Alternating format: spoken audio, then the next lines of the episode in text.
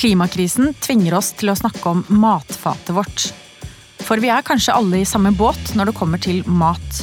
Et stort, globalt marked som kjøper det man trenger, og selger det man har.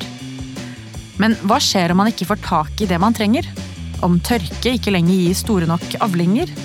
Eller om konflikter struper tilgangen på korn eller andre nødvendige råvarer? Hvor robust er dette matsystemet vårt? Har vi nok mat til verdens befolkning? Har vi nok mat i Norge? Og hvem bestemmer egentlig hva vi spiser? Jeg må innrømme at jeg ikke kjenner det norske landbruket så godt, men det gjør heldigvis kulturhistoriker Karen Lykke. Altså, hvis du er engstelig for å endre vanene dine, så kanskje du skal være litt uh, engstelig. For jeg tror at det blir veldig vanskelig å holde på sånn som vi gjør i dag. Vi må nok uh, endre litt på dietten vår. Hvorfor må vi det? Fordi i dag så spiser vi veldig mye mer kjøtt enn det vi gjorde tidligere. Vi spiser mindre ting som vi kan produsere her i Norge enn det vi gjorde tidligere. For eksempel så spiser vi bare en tredjedel så mye poteter som det vi gjorde på 60-tallet. Vi spiser tre ganger så mye kjøtt som det vi gjorde på samme tid. Så vi har endret uh, matvanene våre, og vi må kanskje skru litt tilbake på det. Eller kanskje, kanskje vi må skru ganske kraftig tilbake på det. Hvorfor det? Altså, Problemene med det vi gjør i dag, er at det krever en hel masse såkalte innsatsfaktorer. Og det betyr at vi kjøper stort sett det som trengs for å drive landbruk. Så vi kjøper gjødsel. Vi kjøper fôr. Så da snakker vi om kraftfôr, og vi snakker om kunstgjødsel. Og veldig mye av det blir eh, fossilt produsert og fossilt transportert. Så, så det, det, mangler en, eh, en, en viss sirkularitet da, i landbruket i dag. Ok, Kjapt innpå om sirkularitet i landbruket. Karen forteller om det som kalles kanaliseringspolitikken. Altså da politikerne bestemte at korn skal produseres på Østlandet og flatbygdene, mens kjøttet skal produseres på små gårder langs kysten og oppe i fjellet. Da får man ikke mulighet til å gjødsle jordene med husdyrmøkk fra egen gård, men må bruke masse energi og ressurser på å transportere det fra andre steder. Jeg har vokst opp med et eh, litt sånn romantisk forhold til det norske landbruket. Og da blir jeg bekymra når denne romantiske fortellingen ser ut til å liksom briste når det er snakk om at den ikke er klimavennlig osv. Ja. Har jeg blitt skamma? Har vi blitt lurt? Men det er jo Et av de viktigste symbolene vi har på det norske, det er jo den frie norske bonden. ikke Ja. Det var jo bøndene som gikk til Eidsvoll, og hele grunnloven vår og alt det er jo liksom tuftet på den norske bonden. Så det er ikke så rart at, uh, at du bærer på den romantiske forestillingen, for det tror jeg de fleste av oss gjør. Så um, problemet er vel kanskje bare det at, uh, at situasjonen både for bøndene og for oss forbrukere har endret seg. Vi er veldig mye rikere enn det vi var, så vi spiser andre ting enn bygg og havre og vassgreit og sild, ikke mm, sant? Mm, mm. Og bøndene har jo en, uh, en mer forutsigbar levevei enn det de hadde. Hvordan er det å være bonde i dagens Norge? Jeg tror det kan være uforutsigbart. Det er vanskelig. Du har en arbeidsdag som egentlig aldri tar slutt. Samtidig som du tenker at uh, du skal ha den samme altså muligheten til en åttetimersdag som det ja, vanlige lønnstagere har, da, og, og det, det, tror jeg ikke går i hop. Jeg tror ikke du kan liksom, tenke sånn som bonde. Da har du en en arbeidsdag som er ja, over, gjennom hele døgnet. Men hva er det den norske bonden egentlig lager i dag?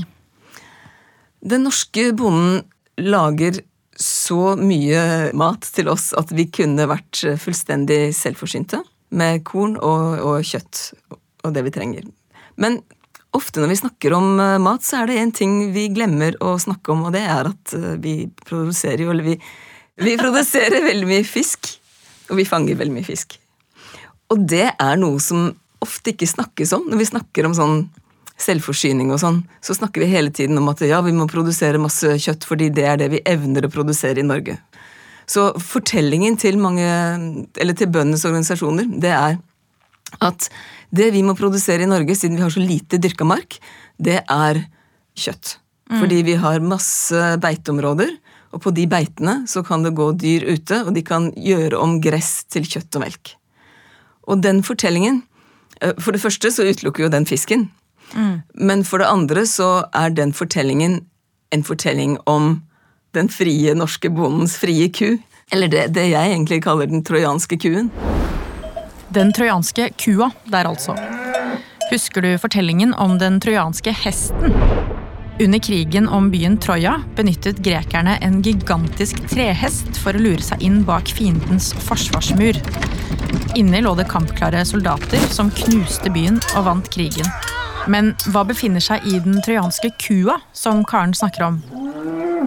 Egentlig hoveddelen av kjøttet som produseres i Norge, det gjemmer seg inn i denne forestillingen om kua, som er dette utebeitende dyret. I virkeligheten så er det sånn at 70% av alt det kjøttet vi spiser i Norge, det kommer fra griser og fra kyllinger.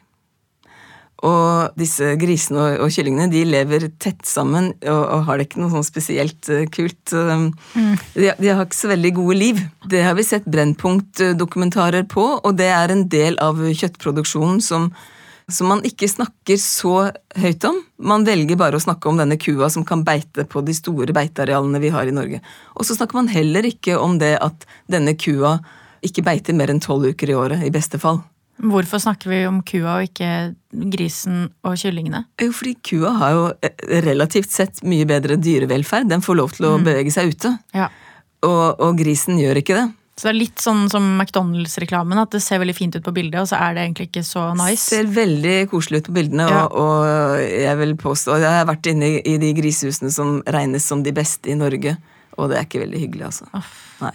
De står virkelig som sild i tønne. Ja, det er jo noen som, eh, som, klarer Noen veldig få bønder som klarer å produsere eh, griser på en, eh, en, måte hvor dyrevelferden er, er godt eh, ivaretatt. Mm. Men det er ikke veldig mange. Det ble fremmet forslag om at griser f.eks. skulle få lov til å eh, komme ut. Det er jo morsomt, fordi når barn lærer om grisa, grisen, så, så, lærer de ofte om at den liker å gå ute og, og rote i jorda, og grisen er møkkete, ja. etc. Men, eh, men, norske griser de har jo ikke krav på å være ute i det hele tatt, og 99,5% av norske griser de går ikke ute. Det ble fremmet et forslag i Stortinget om å slippe ut grisen, men det ble nedstemt. Vet du hvorfor det? Det er jo veldig mye mer arbeidsomt å slippe dyr ut enn å ha dem inne eh, på eh, Altså inne i et, i et fjøs. Eh, det var et kurs på Landbrukets brevskole, jeg tror det var i 1976, og det kurset det het eh, Penger i gris. Ja. ja mm. Og det kurset det handlet om hvordan man skulle kunne produsere så mye som mulig kjøtt til lavest mulig penge. Mm. Selvfølgelig for at det skal være så billig som mulig for deg og meg å kjøpe det kjøttet når det kommer i butikken. Så grisen og kyllingen de inngår i et sånt industrielt kjøttproduksjonskompleks som handler om ren handel. Altså det er kraftfôr inn, møkk ut og kjøtt ut. Ja, ja. Så du kunne, drevet, du kunne egentlig drevet en, en uh, grisegård på Majorstua. Ja. Hvis du bare hadde kjørt uh, mat inn og, og gjødsel ut. Ja, og så er det baconpølse rett inn. Det er litt krise. Apropos krise og klimakrise. Hvordan kan den ramme landbruket? Klarer vi å produsere nok mat her i Norge? Selvforsyningsgraden i Norge i dag er på rundt 40 litt i underkant av 40% Men det er noe som heter dekningsgraden. Og dekningsgraden, det handler om hvor mange kalorier vi klarer å produsere i Norge. Og der er vi nesten rett oppunder 100. Ikke sant? Sånn at når vi snakker om, om uh, hva, har, altså hva, du har lyst til å ha på den tallerkenen, så er jo det noe helt annet enn enn hva du vil få på den tallerkenen dersom det skulle oppstå en matvarekrise og vi ikke kan importere mat i Norge. Mm. Og det er veldig viktig å skille de to begrepene. Så øh, du vil kanskje ikke kunne spise øh, sukkererter i januar og, og bringebær i april. Og du vil kanskje ikke kunne pynte bløtkaken med jordbær, men, men øh, jeg tror nok at du skal bli mett. Men klarer vi å lage nok mat til klodens nesten ti milliarder mennesker i 2050? Ja, vi har nok mat til alle menneskene per i dag, men det kan jo få veldig alvorlige konsekvenser hvis den globale oppvarmingen gjør at eh, man ikke kan dyrke mat på, i de stedene hvor man kan dyrke mat i dag. Så, så, det er en alvorlig trussel. Og det er en god grunn til å sette foten på bremsen og prøve å få utslippene ned over hele kloden. Det er noen som er optimister, som tenker at uh, nasjonalt sett så kan det godt hende at vi klarer å dyrke kornsorter som vi har hatt problemer med å dyrke tidligere. For eksempel så Jeg tror det var i forfjor så klarte vi å produsere nesten 70% av vår egen mathvete. Og Norge har nesten alltid vært avhengig av import av korn. Men hvis du tenker på global matsikkerhet, og det må vi jo, mm. så er det jo et kjempeproblem etter hvert som det blir varmere, at uh, noen av de viktigste områdene hvor vi produserer mat i dag til verdens befolkning, kanskje ikke vil la seg ta i bruk lenger. Hva skjer da? Ja, Da blir det jo større press om å produsere mer mat de stedene hvor det er mulig å produsere mer mat. da. Så mm, det vi kan produsere ganske mye av ved hjelp av uh, kraftfôr, det er jo kjøtt. Ikke sant? Så lenge vi har uh, en økonomi til å kjøpe uh, dette altså kraftfôret, uansett hvor det er produsert, da. Men det spørsmålet er kanskje egentlig et spørsmål som man burde snu. Hva mm. slags konsekvenser har matproduksjonen for klima? Fordi øh, når vi produserer kjøtt, eksempel, så, så, krever jo det ressurser som har store klimakonsekvenser. Man tenker at øh, opptil 18% av utslippene er knyttet til kjøttproduksjon. Så mm, det er ganske vesentlig. Snakker vi om i Norge da?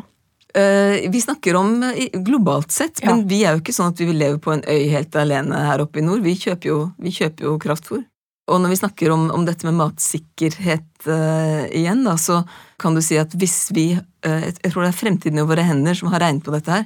Men hvis vi hadde spist en sjettedel, eller produsert en sjettedel så mye kjøtt i Norge som det vi gjør i dag, mm. så hadde vår selvforsyningsgrad gått opp fra 38% til 57% Det er en ganske dramatisk eh, endring, altså. Ja.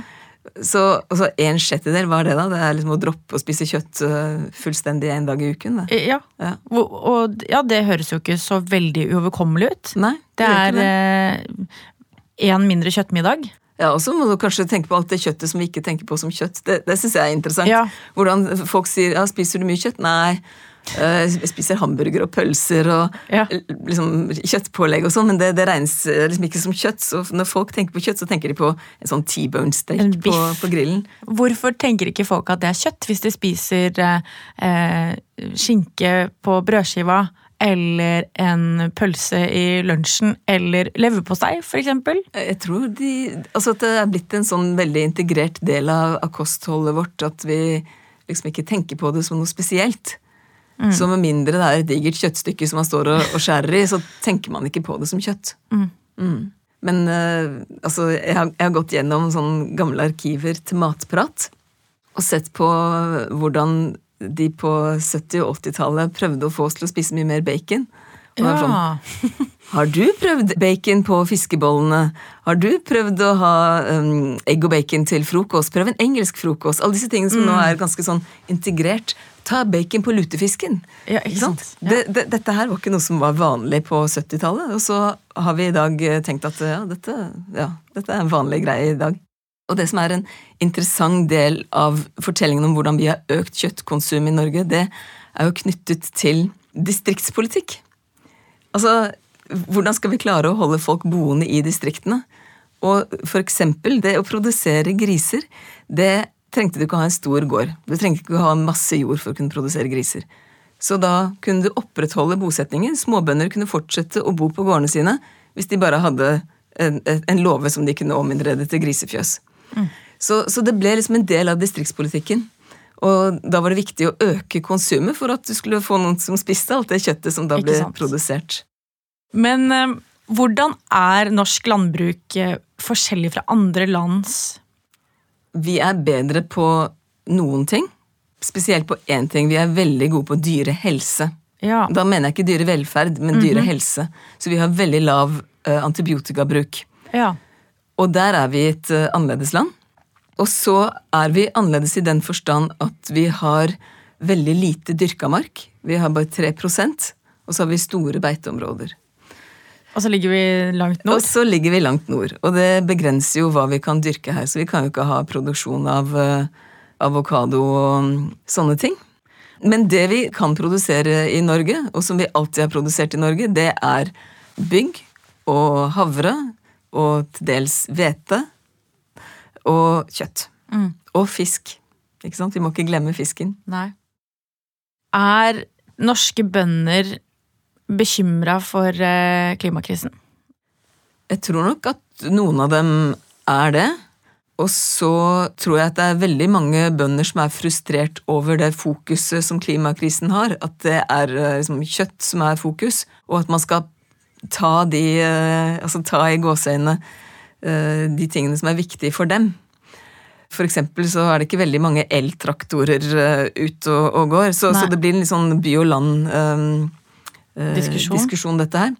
Men eh, det er klart at bønder sikkert også er redde for klimakrisen, men de, tenker, men de sammenligner heller kanskje klimaavtrykket til en avokado og en tur til New York uh, fremfor uh, grisen og kuen, og, altså kjøttproduksjon og melkeproduksjon.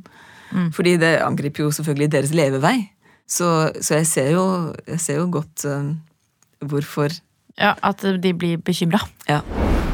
ja, den ser jeg. Men det jeg derimot ikke har fått helt reisen på, er hvordan den norske bonden produserer mat. Karen, kan ikke du forklare, sånn at jeg forstår? Det konvensjonelle jordbruket det er et jordbruk som drives på vanlig vis. Ja. Og det vanlige i dag det er å sprøyte, og det er å gjødsle med kunstgjødsel. Mm -hmm. Det økologiske jordbruket, der har du ikke lov til å sprøyte, og du, ikke, eh, du skal bruke husdyrgjødsel. Mm. Og det skal være en sirkularitet, altså det skal være en sirkularitet i næringsstoffene. Så du skal helst liksom gjødsle med, med gjødsel som er produsert på gården din. da. Ja, ja. Og så har du det regenerative, og det regenerative er egentlig ikke verken økologisk eller konvensjonelt. En konvensjonell bonde kan også drive regenerativt, men det er eh, fokus på å ikke sprøyte. Og det er fokus på å ikke bearbeide jorden like voldsomt som det man vanligvis gjør med pløying. Og, og det er fokus på dette med jordhelse. Hva er det? Det handler om at når du sprøyter, og når du bruker mineralsk eller kunstgjødsel, så blir jorda utarmet. Mm. Det betyr at den holder dårligere på fuktigheten, det blir lettere flomskader, og at ikke det er noe uh, organisk materiale igjen i jorda i det hele tatt.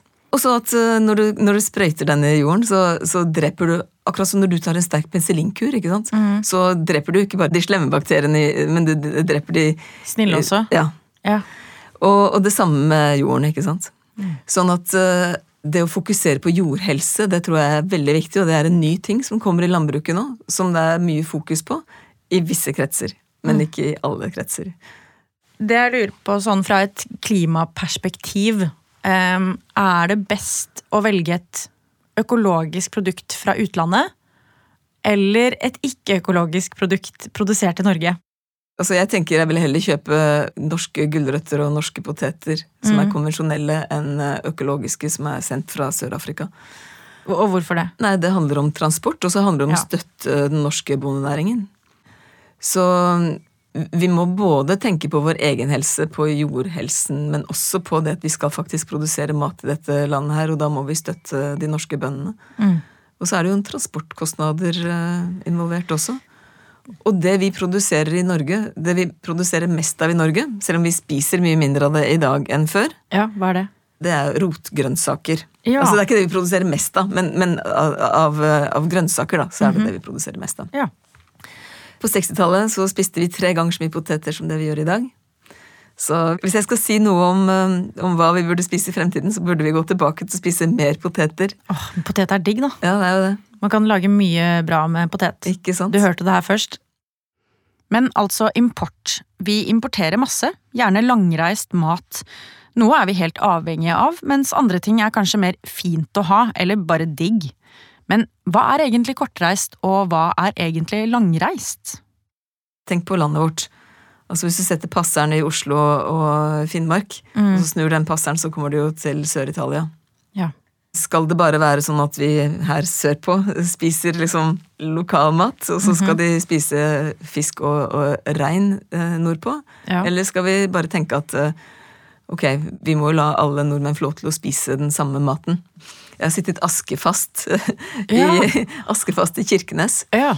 Og da ble jeg overrasket da jeg fikk eh, servert lokalprodusert ost på hotellet, og så spurte jeg hvor den osten var fra, og så var den fra en gård utenfor Bergen.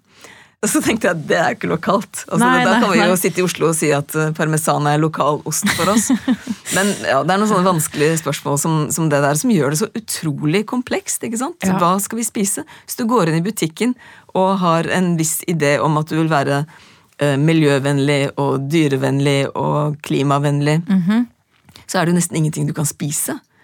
Ikke sant? Du blir, du, blir eh, du, du går forbi frysedisken, så ser så ser du disse scampiene, og så tenker du oi, eh, ja, de ødelegger mangroveskogen. Og så kommer du til grønnsakene, og så tenker du oi, ja, de er importert fra andre siden av jordkloden. Sukkererter i januar, liksom. Og så kommer du til kjøttet, og så nei, dette var klimafiendtlig. Ja, hva skal vi ende opp med å spise til slutt, da? Ja, hva skal vi ende opp med å spise til slutt? da? Ja, hva skal vi ende opp med å spise? Uh, vi skal, Potet. fall- vi skal spise, vi skal spise potet. Ja. Nei, vi skal, vi skal kanskje spise litt mer uh, av de kornslagene som, som vi kan produsere i Norge. Så vi burde spise mer havre og bygg, for eksempel. Ja. Det er veldig miljøvennlig.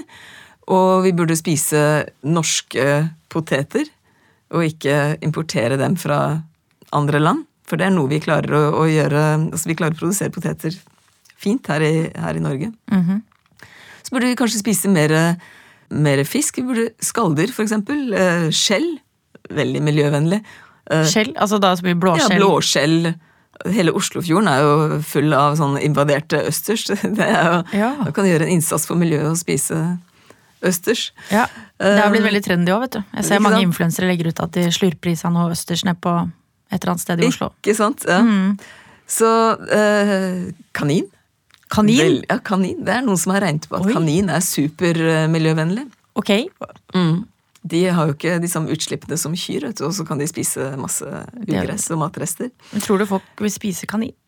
De gjør jo det i Frankrike. Ja. Ja. Og insekter, altså hva vil du helst spise? Insekter eller kanin? Jeg vet ikke. Uff.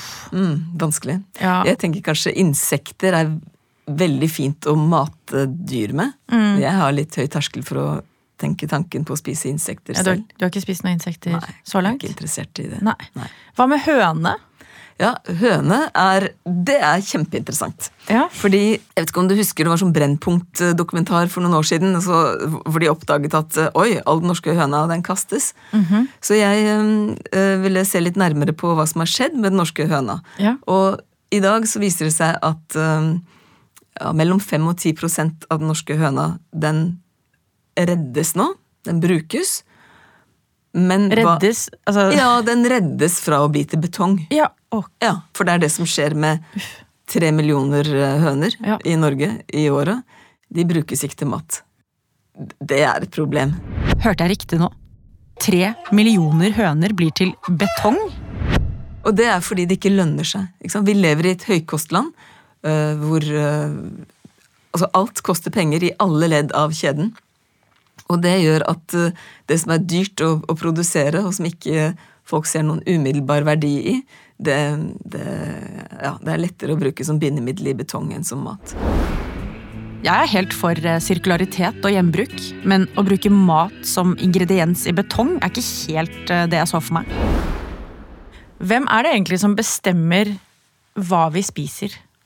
Det er um, du som til syvende og sist bestemmer hva du spiser, men det handler jo om tilgjengelighet og pris, så vi er jo del av et stort matsystem. Og det er jo veldig lett å ta eh, andre valg i Oslo og Bergen og Trondheim enn det er hvis du bor litt mer grisgrendt til. Så mm, tilgjengelighet, det det er helt vesentlig.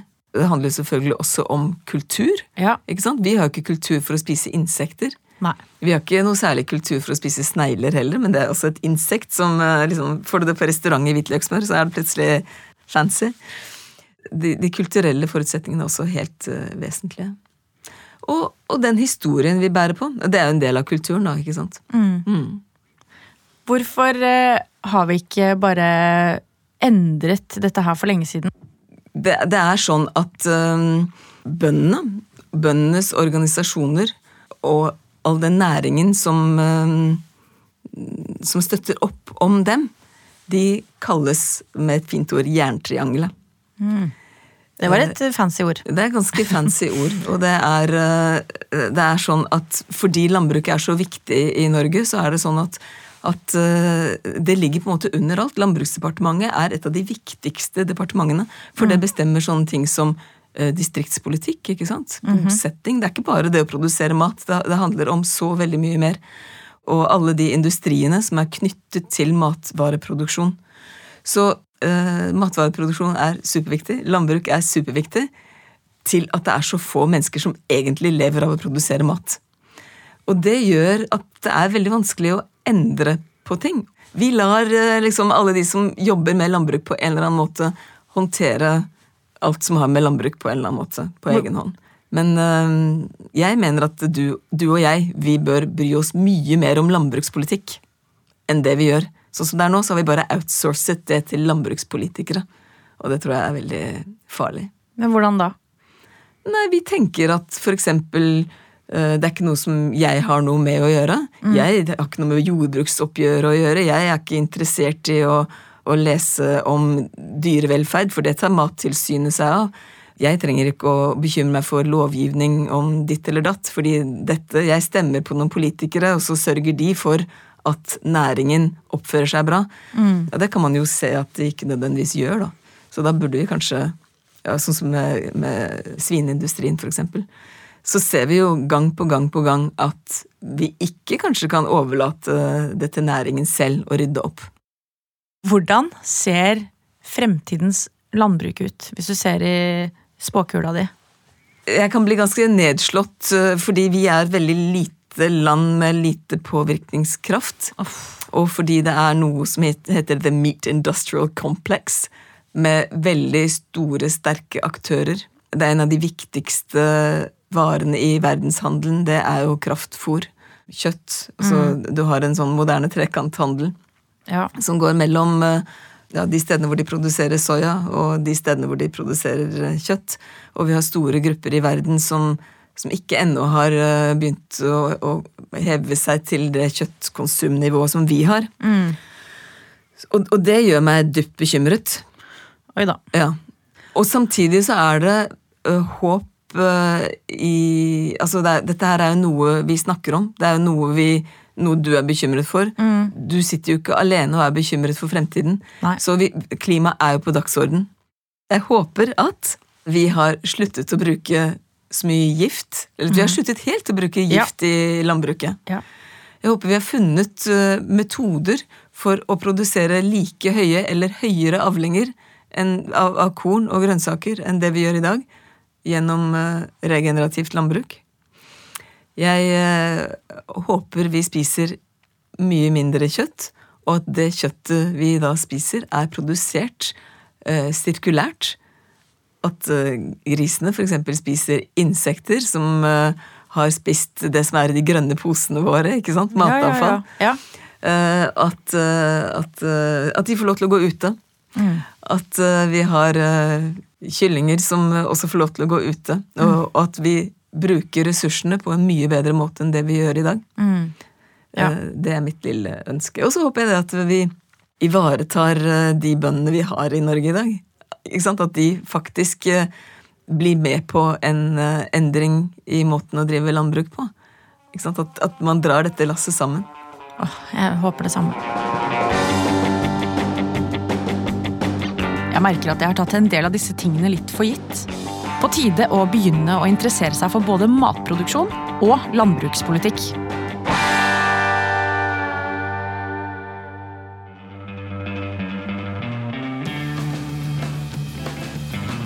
Denne podkasten er fra Universitetet i Oslo ved ansvarlig produsent Arild Blomkvist. Programleder er Sofie Frøysaa, produsent hos både og er Håkon Lange, og klipper er Olav Nedberget. Dersom du likte denne podkasten, vil jeg anbefale Sofiekuppel Norge, hvor Sofie Frøysaa inntar rollen som diktator, og gjennom seks episoder finner oppskrifta på å kuppe Norge. Her er en episode i Universitetet i Oslo sin podkast Universitetsplassen. Her hører du forskere og gjester snakke om et vidt spekter av tema og viktige samfunnsspørsmål.